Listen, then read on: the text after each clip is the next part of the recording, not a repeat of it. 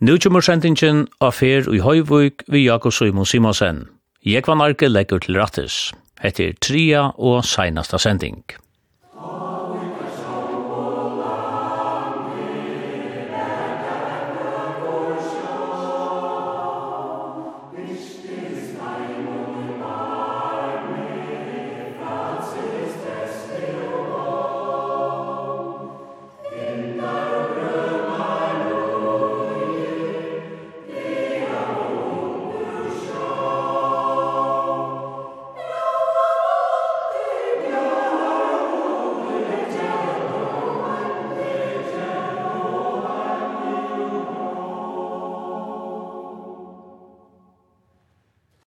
Tei som var flott nu til høyvukar, foreldre heter ung folk og sama vi teima som var rom, det var ofra kipa fire.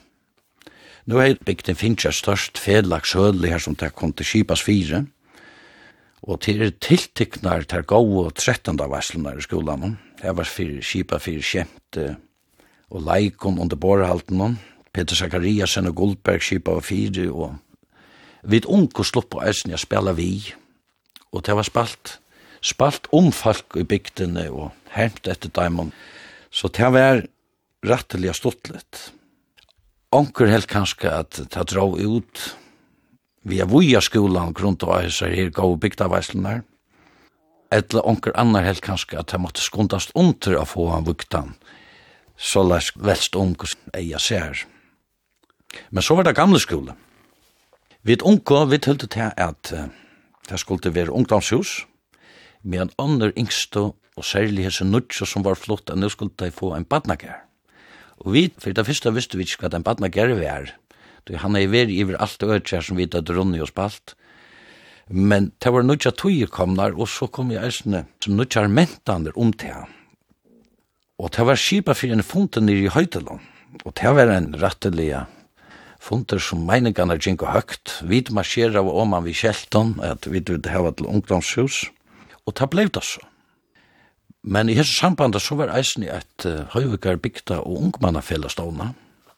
Det stender at til ståna, jeg har ståningar samtekna 17. februar 1904, og i det første nevntene tar Torlaber Høydal, formøver Ernst Johansen, nastformøver, Sigrid Høystedt, skrivare, kære Norder er kassameistare, og Jekvan Ellefsen er nevndalimer, og ta stendte vi tøyil til at han, han stod til å ha anbyrd av reinkjer og viluikahalte, så tema har vi skilui. Det var åpig en tryggfald om vikuna, og det var skipa fyrir dans, enn fyrir måneden. Jeg kom et skift i nevndene, jeg minnes at sammen med Gullberg, og Svim Dalsgaard og Leivi Olsen, og vi skipa fyrir tuna dansi oppi i Nutsjaskola, sommarkvöld og ta hattu vi kipa fyrir en skilsmissetoan i middelen, arjamenn og høyvisingar. Ta sterskaste arjamenn kom nian, og vit hattu ta sterskast mennar bygdene. ta var tog at vi var færen og på i Torsanar kommun. Arjamenn vunno til endans, i halte tri fyr ta bragdai og tar hala og Jeg minnes Mitchell Jakobsen, men han er nok steg i motra en betongkantig og hilti til det sørste åren høyvisingar lukka som kopp av. Men åren hette her, da hadde vi da eisen brukt gamla skola til ungdomstiltøk, her var telving og det er særlig hundalig nudjarsvarslunar og nudjarsbal og rastar sjupan og føreskund dansen kokkeren han sjakk Dam Jakobsen, han kjøpte alltid krov inn og raste, og så gjørte han sopan og kjøt nirje i Høydelund og kortet det så nyan. Det var sett blikk fram ved venen, og så var bal, og så var tala av myrene. Nå og djupa kjil av flæte mittlen gilja stolter ungdommer beførning fram alai, som er tikk til. Utstikkingene halda fram, Høyvika skole var bygd ut av en tverrferer, men det var ikke noe mye, folk hadde i økest, og det var nøyet å bygge en nødjan skole, og det ble skolen ved Løkmannabreit, han var tidsen i Nuslo i 2008, og Høgne Johansen er skolastjøri her. Men dette her er jo store brøydingar. Hette store brøydingar, nå ble det mer til at nå ble det så bojar kjent eisne av støttene. Før fyllte man vi nesten hver flotte og i hvert nytt hus som var bygd. Nå begynte man a missa at man kjente ikkje teir som kom. Og eit som gjør det til kanskje eisen til var til at Vevren Lenge kom faster i Tettnerik. Så i fyrr kunde man fylja nesten vi hver en bil som kom etter kvidansvinn og fornyende mannbrekk. Så nå blir det meir bojar kjent. Og tid for eisen i kyrkje? Longa ta, fyrst i 8. i Arnon, er byrja at hos som a få a kyrkjo i Høyvøk. Vi hørte til Torsanar Estara kyrkjo da. Den første fonderen, han er hilden i 1902 fors i Nødja skola, her som maler oppe. Longa ari etter vir en arkitektakapping utskriva. Hanna vunno arkitektene Albert Isfeldt, Gottmund Hansen og Rune Øster – Og det var eisen i atlan affæra langke at uh, bytja kyrkjena ui 80 åren. Men så kom det fortsatt lio. Nye gongnar, så arbeid var lagt stilt. Men framvis var alla tøyina kvart år sett peninger av til det. Og i 2000 var malet tidsi framatter, og nødt bytjenevnt var sett, og var manna vi hadde en dal som forskvinno, Bente Kjær, Hei Mikkelsen, Bjarna Beck, Gunnar Høytal, Peter Evangelius, og så var jeg sjolver vi. Og jeg fikk eisen til å allit av å være formøver i kyrkjeranen og i bytje tøyene, så det var en, en sera spennende tøy. Katrin Dahl, hun var en, en avhaltande formøver, og 20. juni 2005 kunde drottning Margreta og Hendrik og prinser letja grundarstein. Men jeg skal letja treat, at det var ikke første ferie at drottning Margreta var i bygdene, Tøy, hon var oppi i Høyvøk i 1903 av Røndarstøyene i Høyvøk, her Kolbrun og hennes vartan i imot Og han greide nemlig fra om ta nødja vaksarhus som vet tidsi Nuslo, og jeg mener jeg snek Karja Lofte, er vi ta, og sættene så stod Elis Poulsen så alle fire tog vaksarhusene. Og spurte jeg eisen til Tommy Arke som bo i gæren tog han henne domte ved hans list, men han var bortstater. Hon får eisen i henne kvittanes, Og ta minnes det ut i Atjersvøk, trappen trinn ned og inn, Og jeg minnes det beint av Vestergaard gav han et blåmetisse her i Atjersvøk. Arstikon vann utbjørnsen av Bidjakirkina og 4. november 2006, ta var kirkevikslu i Høyvøk, Det var et og medalja spennende arbeid å være vi i, og en utrolig velvilje fra myndelagene, stolen og øren, og falskje tog vel under. Sættene, ta fink vi så eisen egi kyrkjura og egi presta gjald saman sammen ved Kalbakk. Er tvær prestar knyttere at kyrkjene og kyrkjegarer eisene kom. Fru kyrkjan og Asan, hon er bygd nega framan undan, og nú har luten tidsje en bygning i Nuslo, så uh, antall i økjennom, det er velstart ved bygningen. Men det er ikke bare bosetting, uh, sethus, her kom eisne vindenvirkjen igjen. Mjölkavirkje, Balslev, Reineservice, Bilasøla Norrøna, og Kjepsantøvkan, og Malingahandelen. Så dette var sannelig eisne store brøydingar for jokkona drenna nian til det sier virkjen er suttja og så vi er. Så det var eisne stor brøyding i tøyvirksjemen. Hver kjeipa tid høyvirkjengar det? Ja, jeg kjeip jo i Kjepsantøvgan her oppi i Høyvuk, det har vi just for å lete opp men nu sjølvan til langer oppi som bonus komme, så at tider flere handlar kommer at reat, så jeg ta. Hva gjør det du frutun her oppe? Ja, vi spalte om engastene. Det var sjølvan det fløten i Høytelund, så hadde vi denne plantasjeøsene, som var ekvelig stolt av spjallet vi. Og smatranger gjør det alltid småtter. Vi gjør det småtter i Lengadalen, Og sætna gjørde vi den småtte boi oppi av brekko, her som hjelka vi stendur nu. Spalte eisen i minkagærene. Her var ekkert stått til å spela, men det lukta i framvis seg sinter og i sin gjørelden fra der hadde haft minkar. Men her var eisen småtter, og vit smui av eisen flekar, gjørde flekar, og vi silda av mildekjøtt. Det var hetta vi som tuntekassen, jeg vant, det var Jeg får tontekassar til flagganar, og det var sånn områdende til papen å få mest av Og vi får jeg stav i sånne her tomtekassen og så ikke hver hei levera, og så nekva kassar hver hei levera, og sånn papen.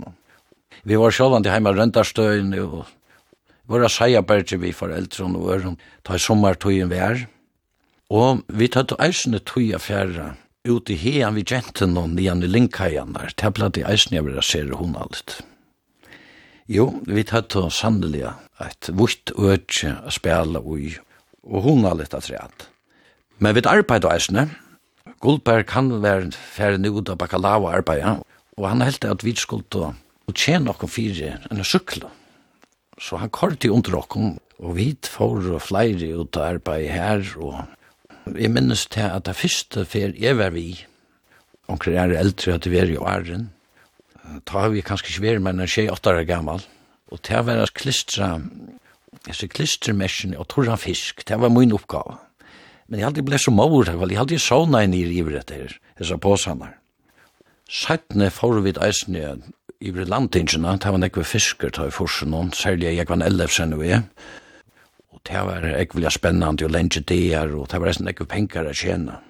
Åttne var eisen enn tog, men han fikk en mål, ta var så mye enn petja fingrene hans så halde han gavst. Men vi kjente oss for søklene, ja. Et annet virksomhet som er nok så kjent i Høyvig til er utdrotteren. Ta i til nevner utdrotten, så mener du helst vi håndballsfella i H1 som hever rotje og trolig og urslittons. Det er nesten ofædelig. Men hvordan byrja i alt dette her? Og det var eisene nirri og hese fløten i høytlån at alt byrjar. Men åren har enda fjers, da har det vært et fela som er at ha ui. Her som fela i støyla i Stori Olaur, fyr. Hvor er så Stori Olaur? Det er Olaur Rasmussen, tja preste. Han er sammen vi Loos og Teimen i vestare parti av bygdene. Olaur Dag Thomsen. Og vi satt eisen i Stori Olaur tog at Olaur Dag Thomsen var eisen i Olaur Kjannekal. Men så visste seg at han ennå fikk komme til Ilnar om en bølt. Og Osvald og Paul Johannes og Ole Samra, tar i estare parti av bygdene, tar teka sti til at stående ha 41. Så heit han av veri i 1941. Men så flyter Stori Olaur til Eies i 1941 til Peter Martin hei finnes prestastarv her. Så alle tåk under vi har 41, Og vi nevna hessara treantiekvan som byrja av, Lovis og Karl Gullfoss, Hakon og Peter Even Djurus, Olav Dag Thomsen, Segari Stam, Sjurur Johannesen, og vi derer Høgne Gunnar vi er Hingo Sikru Pjui, ta i hetta for fram. Kvar var så utrata grennar, det var hattes litt av fyrir til haunar som smadronker. Bøylingarnir tar hildu fast på sutt, og koma skreift fire ytlinn i en skreivan bøyling, så kunne det være en og man ble smurter av. Det var tøyen sålæs at disse bøylangarnir tar røpt i ettikon utur herfra og sleppet ikkon nian atter om omna. Men så var det onker som fann det på, stein for jeg bergjast helter, hvor ikke bjóa hver en øren av i fotballt. Jeg minnes vel at jeg var spalt i måte boende strøntjon, fru og trø, stoffala og tettnerridje, og jeg, jeg var eina for eika mer nyrja fru og trø. Jeg minnes bare Olaf Lava bort til tog rikvinne, men her var nekver verre Og det var asfalter, så ja, vi tappte tutja eit, og jeg kom heller ikke inn. Ta minnes der eldre stod og tjekklavst, og søtte vi, vi havna drøntjen her. Boi bæra inntil 10,9 av græsfløten i høydelen. Og jeg minnes så vel eisne, at jeg hadde lovet seg kolka, lukka som jeg skulle stryker og alt vera. Jeg minnes ta at ta var 5-2 til Høydeldon. Men da byrja jeg av olvara vi at navnet slås fast til å være så hapekappingarnar i Holse, Trangelin. Ta lykka som det ble sli fast vi tog navnet noen er at bruka til. Eina for atla vi da bytja et lite felagshus, nye høytelun. Ha kunne jeg tekna og vi grov ut, støpt ein form. Men jeg minnes ikke hvor stekka jeg tog om det var friingar myndelagan eller utla kvæt. Men Peter Even er for en dag innom han at apåte etter sånn formen, og vi rente med beint og igjen. Men så var eisen ferdig å spille bordtennis, til at han var i husene blivet nek større i bygdene. Bordtennisbord var i flere kjattlæren, tja Bussi og Torma og tja henne i Paula og, og Asso og Helger. Og eisen i gamla skola fink vi løyve til at sette bordtennisbord opp. Og her var det nek fargermesterskap vunnen. Her kom Håkon og Peter Even og Ole og Jekvann og Åttene og Gentene var overfører. Bjørg Djurus, Marie Niklasen, Anna Dalskar, Kristianna Winter Poulsen, Sætne. Og vi har en av fyrst vært et tøyerska største bordhensfell i land. Badminton, det ble eisen i ukka. Bjørg Djurus og Marie Niklasen skjæra fram i ord og vunne flere meisterheit. Onke tøy var flåpølter av i eisene, og Hakon Djurus vant i okken vi tøy. Men I 1976 meldte Paul Johannes Oswald et unglingalit til i landskapingsene håndbølt. Og alene var Osvald og Paul Johannes, Lovis, Håkon, Sjurur Johannesen, og tar det finnes seg stolar ur havn. Her kom Jens Mår Aska, Brin Hildeberg og Sven Andreasen, Hans Karli og Stoffalla stod i mål, og Daniel Kristiansen fra Tjegv, han bor i Kostalten, han stod eisen i mål. Så hetta var lukkast det første vi håndbalten noen, Men samståndet så var det Palli Hannes og, som seitne gjør størstspelare i håndbølti og landslinjen og minnast han fra Kindle, skjeit øtelig hardt. Han og Lovis var byrjar av venja okkon og i håndbølti i Fimleikahallene og i studentaskullan. Tar var rattelig herre venjare. Så fink vi donkran avsmurning hvis vi tjakt av, men, men vi ting i, og i nødjan sjælfjers ta spela vi fyrste dysten der, smadranger og drangjali, når i skolagæren Kotlafir. Så nu er håndbalter kommen rattelig av skra. Marge Svarrer vil forskvinna et tøyaskai. Vi vil ta hava venjara. Hon kjem så vi Isakje Thomasen. De kjente seg til var tannlaknar. Og Isak spalt i SIF og Kindle og så videre. Vi kom oss ikke langt fram. I 1903 ta vinna vid fargermesterskap. Begge i 12 og 316. Og akkara li at vi finnes styrs, Bøye Henriksen og Samal Hansen, Samal Paulasson i det, var komne nian a spela vi. Sjolt om vit framvis vant og bæru i Fimlagallene, nu var det i Fimlagallene i Høyvegarskolen. Men det var en finale dyster når vi kom i høtten i måte stjøtnene. Vi råkne vi at stjøtnene hei råkne vi av vunni hendan dysten, men vi færur Høyvig en ekk ötnar veru sted etter Øtj, og så var vi a koppa kanskje flere fyr. Ta vi koma a Lorvik, ta fyr tettnan ikkje lagt eit her, så atter Jørgen Lorviksløy til Foklafjærer ombord. Så da vi kom inn i køyhøttene, var vi mest som utlikveier kanskje, og nekk for seiner, men distrin var så spalter. Ta avtottene så vunnet vi tølv nudj, og dette var en øyelig fagnaver, og romer og stottlige turer soverat. Det er stortlig av eisene vi tog av Pauli Ellefsen i myndatall, så vi tæva nok sånn ekva mynter fra tog dysten om eisene. Men tar man så hikker i bergspekkel det, så var det kanskje sinter harmelig tog at gauver stjøtneleikar i håndbaltet, det tog det rattelige dikt. Men som Bjørn Kalsø og Sven Jakobsen, tar for helter og spente seg rett ned i fimleikhøtlen i Syskat for iver at spela flåbalt. Og jeg mener jeg at Åtne Skåli, han, han gavst heilt vi bølt. Men han samme dagen, ta vunnet så dranger tølv, og tar hava nok vært nekra tøymer fyrre, og tar spalt og Vestia Giljanes søgna finaldist, Otni Ellefsen og jeg vant og tar dranger nær, men Love Skolfoss var færen vitt av mun, tann dagen. Så nu var størst, så vi spenn nokken ut, langt i 1945 kommer mansli oppi i bestedeltene, og i 1924 tar Gunnar Djurus var en farmeaver, og vi spenn nokken øyelet ut nu satsar vi. Osvald hei skaffa okkur Henrik Gerster, som leikande venjare. Det var rettelig spennende, og vi bjå av timen staur og sier svant vi av. Og det var vunnet vi da eisen i Øtlund Lion, men vi enda så en bronseplass. Lange ta, ta var eisen tås om at vi måtte røyna få avvirka såleis at en utrarhøll var bygd, og det var eisen en høll tekna, og fela i veksur, Og her var eisen en nekv arbeid i fargen ta, så nekv danskar spalte vi ein av fjers.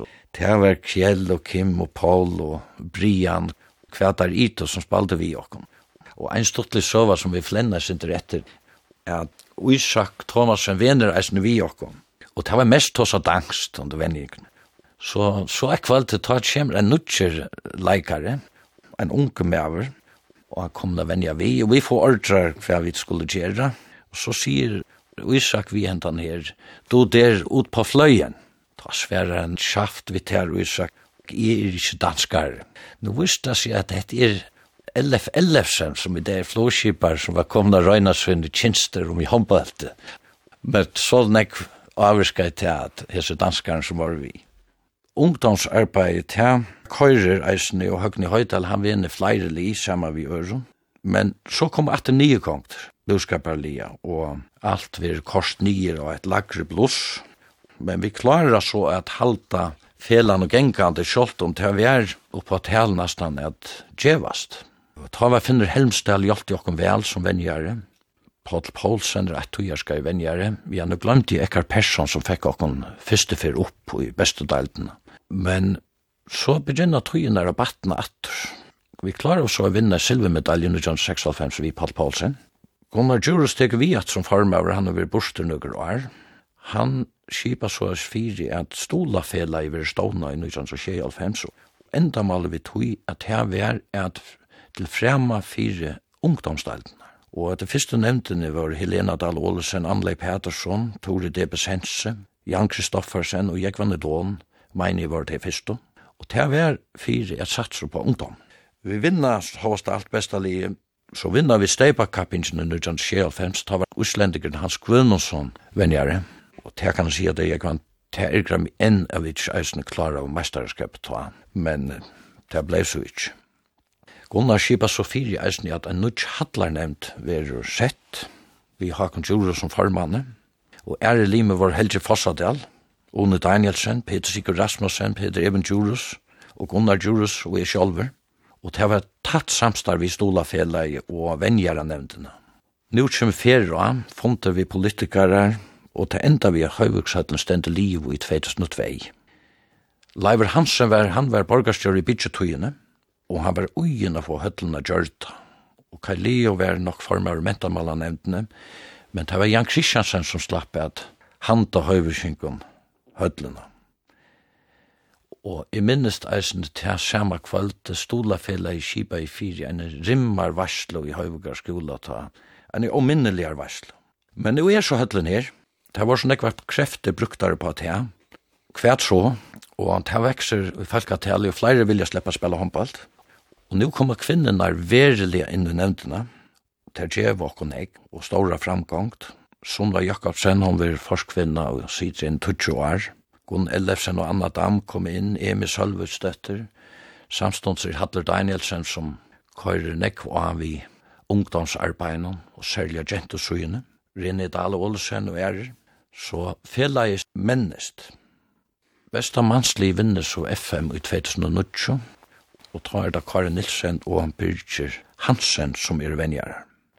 Sujan hevur ikke stutt framma, og kvinnerne kom så mye lengt at det i FM i 2021. Anna Dam, hun tok vi som forskvinna i 2012, og jeg som tøyar skal jeg hever ha en av fyrst tidje lot i flere Europa-kappingen, vi er ikke kvinnerne og mannen, og til særlige ursliten tja kvinner som heva skæra fram i jord. Og tar vi nå inn i ødelnesne her, så kommer vi til eisen fer inn og landslistarbeid og håndballsamba fyrja. Det var såleis at Gunnar vante, Gunnar og Anna vante Arkengen 55-56 tja høyversynkon. HSF hei nok ikkje så gåa fortsallige vaner til å kipa fyrir du store landslistarbeid. Men Anna og Gunnar hilto at hun så eisen til at det var og medallig gau talenter i ørenfelle og eisene. Så teg kipa og sunn eintinkom fyrir talentvenningon, sauna og drøntjenar i øtlandfelle og og teg finko eisen gau hjelp fra Ingo Olsen og, og Paula Hansen, Og det var helt til Øslands å spille landstester mot Øren Lion. Hetta var faktisk til Lige som endar og i HM-endakapping i Algeria i 2016 for jo. Og flere av teimen har vært grunderlig under HM-alfjers og under landslinjen, A-landslinjen som er i det. Håndballsamband fyrja tek så totten opp at vi urvalsvenningen og øren og hever så flere landslig i det. Men til ein person som er, man nevna i hessens samband, som alltid har vært vi, og alltid har stola fellan, sitt jo nevnt, og stola punter, og så vidare, og vært rundan om, til Peter Even. Han er alltid her, og stolar alltid så eller så. Det var man vært vi til alle som menneskene, fra tog en pikkeludel bygd, til en nastasta boi nastan, vi fyrjun i det, Og ta hev det eisne områdende halte jeg at det er at vi ikke er en sovbøyer, at vi det hever akkurat. Og her er sannelig å ha 1,5 at vi kommer høyvøk, og nu er fotballtren eisne av vi Men det er sannelig eisne at områan er eisne trivende av som er jo, og de søvelige støyene vil ha varvett. Så det er at uipikvanner hever etgang til trivna og fellesskap. Ikke minst høydalar, at det må være plass for alle føringar, at det ikke nega veri så lest at det fyrir underhalt. Jeg er erren av heimbygdene og tog som er avrika, gåur vi heimbygdene. Enn er og Gunnar er aktiver eisne, døma vi tompelt, og så hjelpa vi eisne til. Og jeg får eisne takka fyrir samrøvene, etter best et lite bråt ur, ur attar og bygda søvene, det som jeg lyser om, hørst om, og sjølvan det her akkurat det gløy. Det akkurat andre her, han har sikkert sagt akkurat andre, men hetta var så til. Ta i vester skyn av venka moin ma lysa, og ta solen seina sast om gjettlingsklett. Ta best minnene og i hova vil i husa, om ta vekrasta i her og løyve fekk. Og ta syste trymen etter mer man boa, og i ledje me av moina vøk og li, Ta skal kurberg lysa mer i morgon roa, og i øyra so ur hølme tetten og krig. Hvor åtte hans i årene? Hans sankren hever syna søvå. Ta i høyvuksøtlen vær bygd, så sett i høgne høydal og hjemme nyer kvall fire, og ta kom en høyvusanker på ur tog. Ta vi teka at rui at vi vujandi håndbalten om, så er en utrolig menning færm fram Og her må jeg eisen si at her at um, tøytningen av tøy eisen er at til dem som har einalfjers jeg har sett gode venjarar, beis av kvinnen og mannen, og her må jeg særlig nevne en person som Mark Marker, som har ment ungdomstalten der og sett nu i håndballsamband fyrja. Ta sast attor vi lotek i endaspølen EM og HM, og nu manglar bare ui at vi kommer beis av kvinnen og mannen og i eisen i vaksna mannadaltene, nu er stutt etter, Og hette her vi har vært trunn og pata vi mivusar vending at vi kunne røkka som malen. Og ta grunna sin etter oppi høyvika tronten i at nu fer høyvisinkar i kitjan når vestfallsinten er og tar ferri i alt sjå handballskreinar hitjan er hese imiske spjala som Ellef Senna Kipagøt, Mitt, Gunnar Sinne Djuros, og Hildarsson er Høytal, og Pauli og Leivor, og så framvis Og æreføringar vi. Så nekve menningen fer fram, og det er utrolig spennande jeg fyllt vi.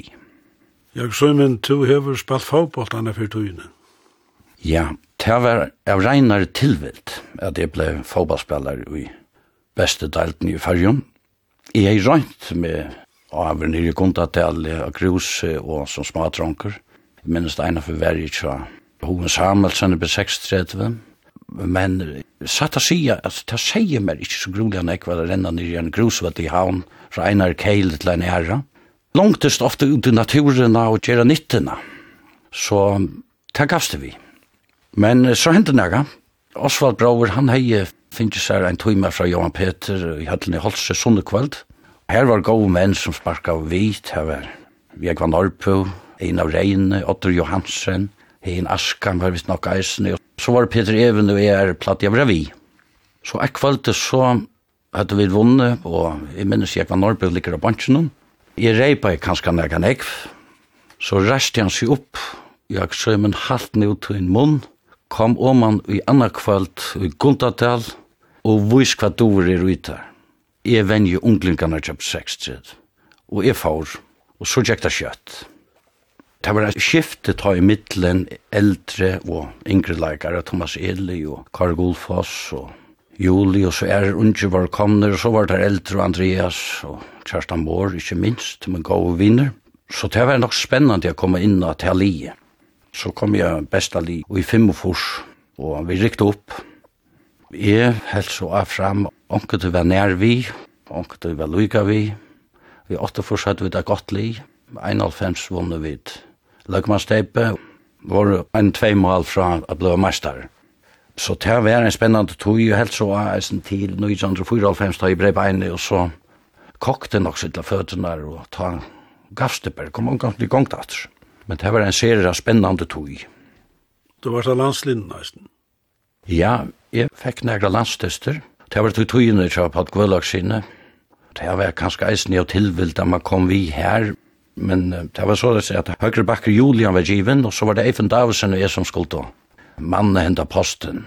Og jeg kom først ved vi til Norrurland, så det bunchen tøyt over 1-1.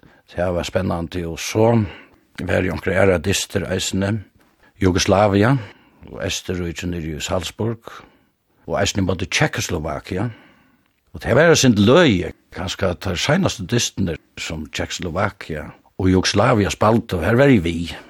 Det var så vi en av tog, og Det mentes, men det var en otrolig spennende tog at oppleva ta i føringar ordelig komme fram i fotballtur. Vi var jo alle byrja i det gruse, at græslutje kom, og hvordan jeg beter bøltfarleidjen til dem som spiller så det kom en jeg vil at han. Det var en sera djevande og spennende tog. Var det onker hendingar av innan? Jo, det var eisne stuttligere hendingar. Kanskje ta en særlig hendingen, hon vet han, Vi hadde vært i Kosicje, helt her Estri i Tjekkoslovakia og Spalt, og vi skulle flikva tullja morgen etter heimater. Og vi skulle lenta i Prag, og så atter til Kjepmannhavn, og så atter til Førjar. Så dette var en lenge tur. Da vi kom til Prag, nå stendte det størst filmslig her og spyr etter en av som personer som er Mr. Brown. Og her som jeg skulle slett ikke komme, og bare fyrre folk av streimer skulle fyrre fram vi. Peter Elias, min gode viner, han peikar så jeg med og sier at Mr. Brown is over there. Og jeg tjekk så i måter og tog, og ta blei ein later. Det var virkelig stått litt, uh, sorry, hendinger som var reisen. Hetta var så tja, man fylgje vel vi i fotballte, men så er det utdatt av greinen, og det er eisen en stor menning som fyrer fram her vi ungdomslandslinjen, og et eller så er at de opplever og metalja negv, og avbjørngarna er store. Ta var det bare ein mever av skriftstående til FSF, og det var Julia, så negv er brått hatt i eisende tøy omsittingarlige parten. Einar for råd til Nelsjær. Og i august måned 1975 jeg etta til å være. Vi hadde vært oppi av brekko, her som hjelkavirke stenter og smøy og på akkurat småtter. Det var bekant og sølskin og pura stidle. Ta leter i som var en av formannen, kom vi færre akkurat en rekvetur. Og vi fåre så om han i fjørene. Goldberg gått til en bad Det en trist som er et solpark, og vi mann også baten. Og jeg minnes til manningen var Tanne Loes Gullfoss og Kare Gullfoss, så var jeg i Altalin. Så var det Høgni Hansen, Kjær Kristian Hansen, og så var det Hans Peter og Bjartni Hinn i Høyvuk, og jeg sjølver. Vi færre så rekvande jo dette, og pura slatt. Så var det onker som heldig skulle vi ikke bare færre til Nølsjøren en tur. Og vi dro. Vi kom oss ut til Nølsjøren, gink og tur her, i minnes deisen vi gink nyan i skolan. Men det som vi så leggja mest til, er at uh, nu uh, begynner å køve av i mjørska. Og vi skunde åkne om han er baten, og tar gamle nødsingar som var her og han trenom, tar sida hver vi datla åkne, ja vi skulle inn etter, ja, om vi tatt kile på streim, og om vi tatt kompass vi, jo kompassen høtt vi. Vi uh, røpte, vi stod i en utnering som måtte færre genka.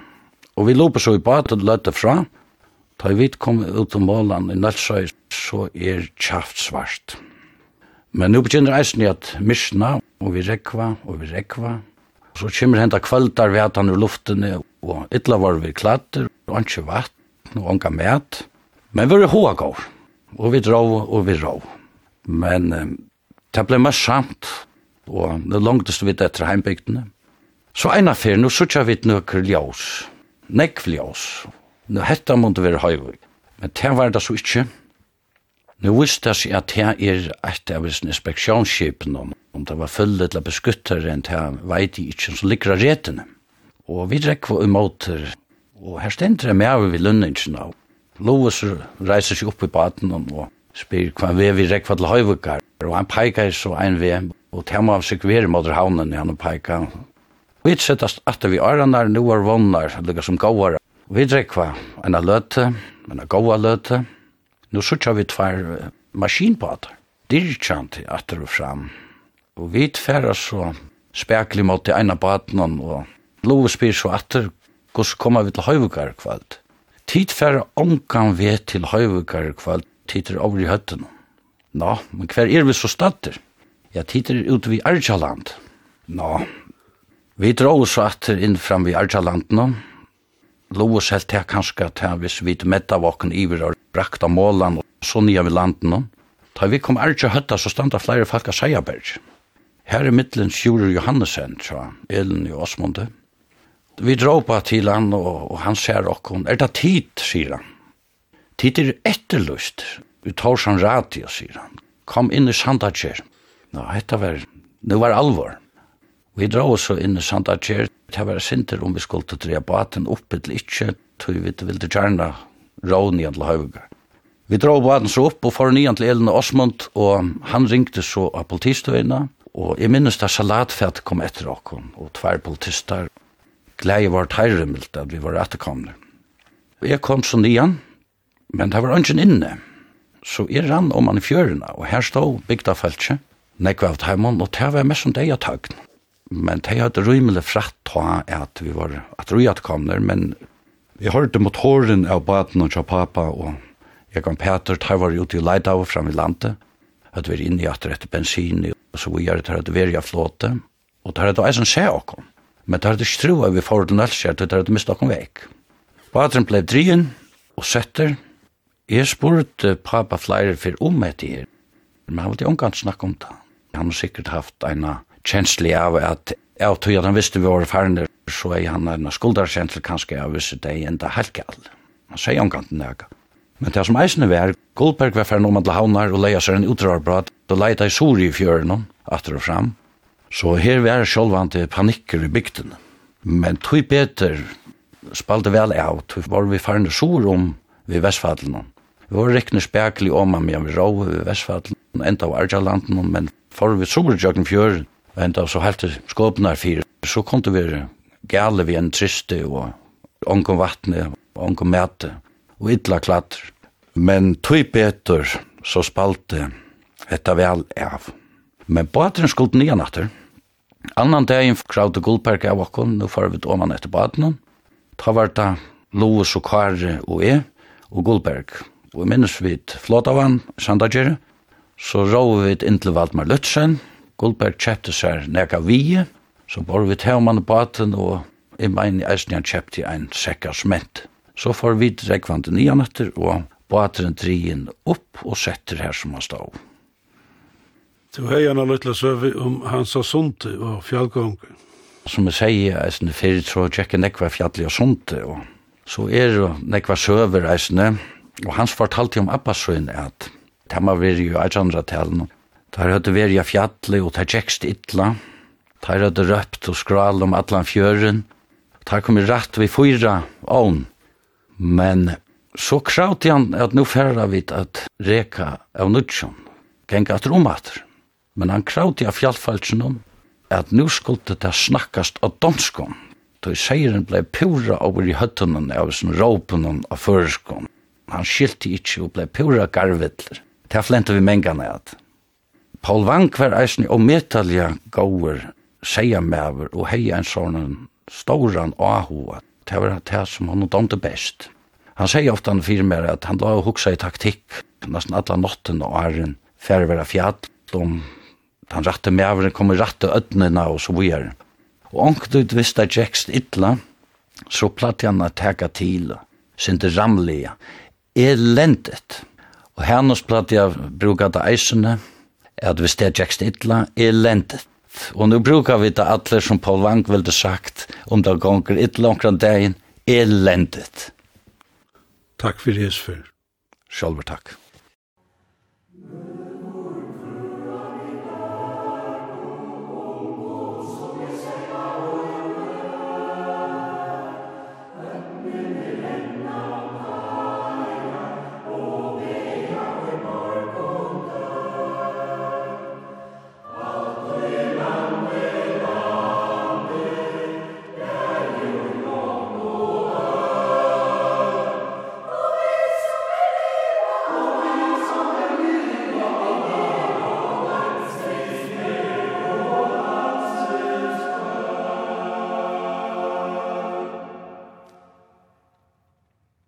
At det var sentingen av fyr i Høyvøk vi Jakob Simon Simonsen.